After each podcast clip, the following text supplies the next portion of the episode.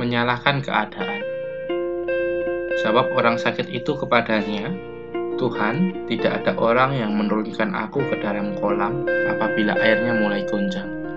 Dan sementara aku menuju ke kolam itu, orang lain sudah turun mendahului aku.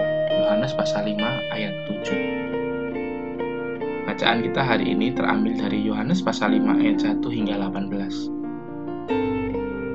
Yuki Kawauchi merupakan juara Boston Marathon 2018. Dalam perlombaan yang menempuh jarak 42,195 km ini, banyak pelari yang bertumbangan karena mengeluhkan cuaca ekstrim yang terjadi saat perlombaan berlangsung.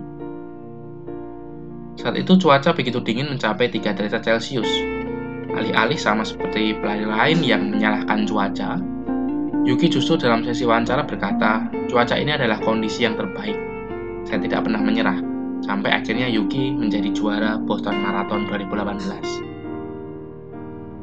Pada saat itu, Tuhan Yesus menanyakan sebuah pertanyaan yang sederhana saat ia berjumpa dengan seorang yang sudah 38 tahun lamanya sakit. Maukah engkau sembuh? Sebuah pertanyaan yang bisa dijawab dengan ya atau tidak. Namun yang menarik adalah orang tersebut justru menjawab, Tuhan, tidak ada orang yang menurunkan aku ke dalam kolam itu apabila airnya mulai guncang.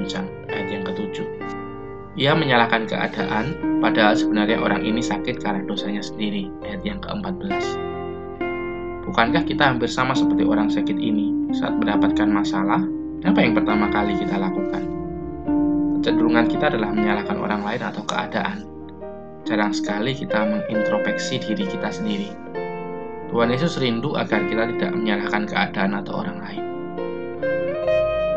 Saat masalah mendera, pastikan untuk mengintrospeksi karena menyalahkan keadaan bukanlah solusi.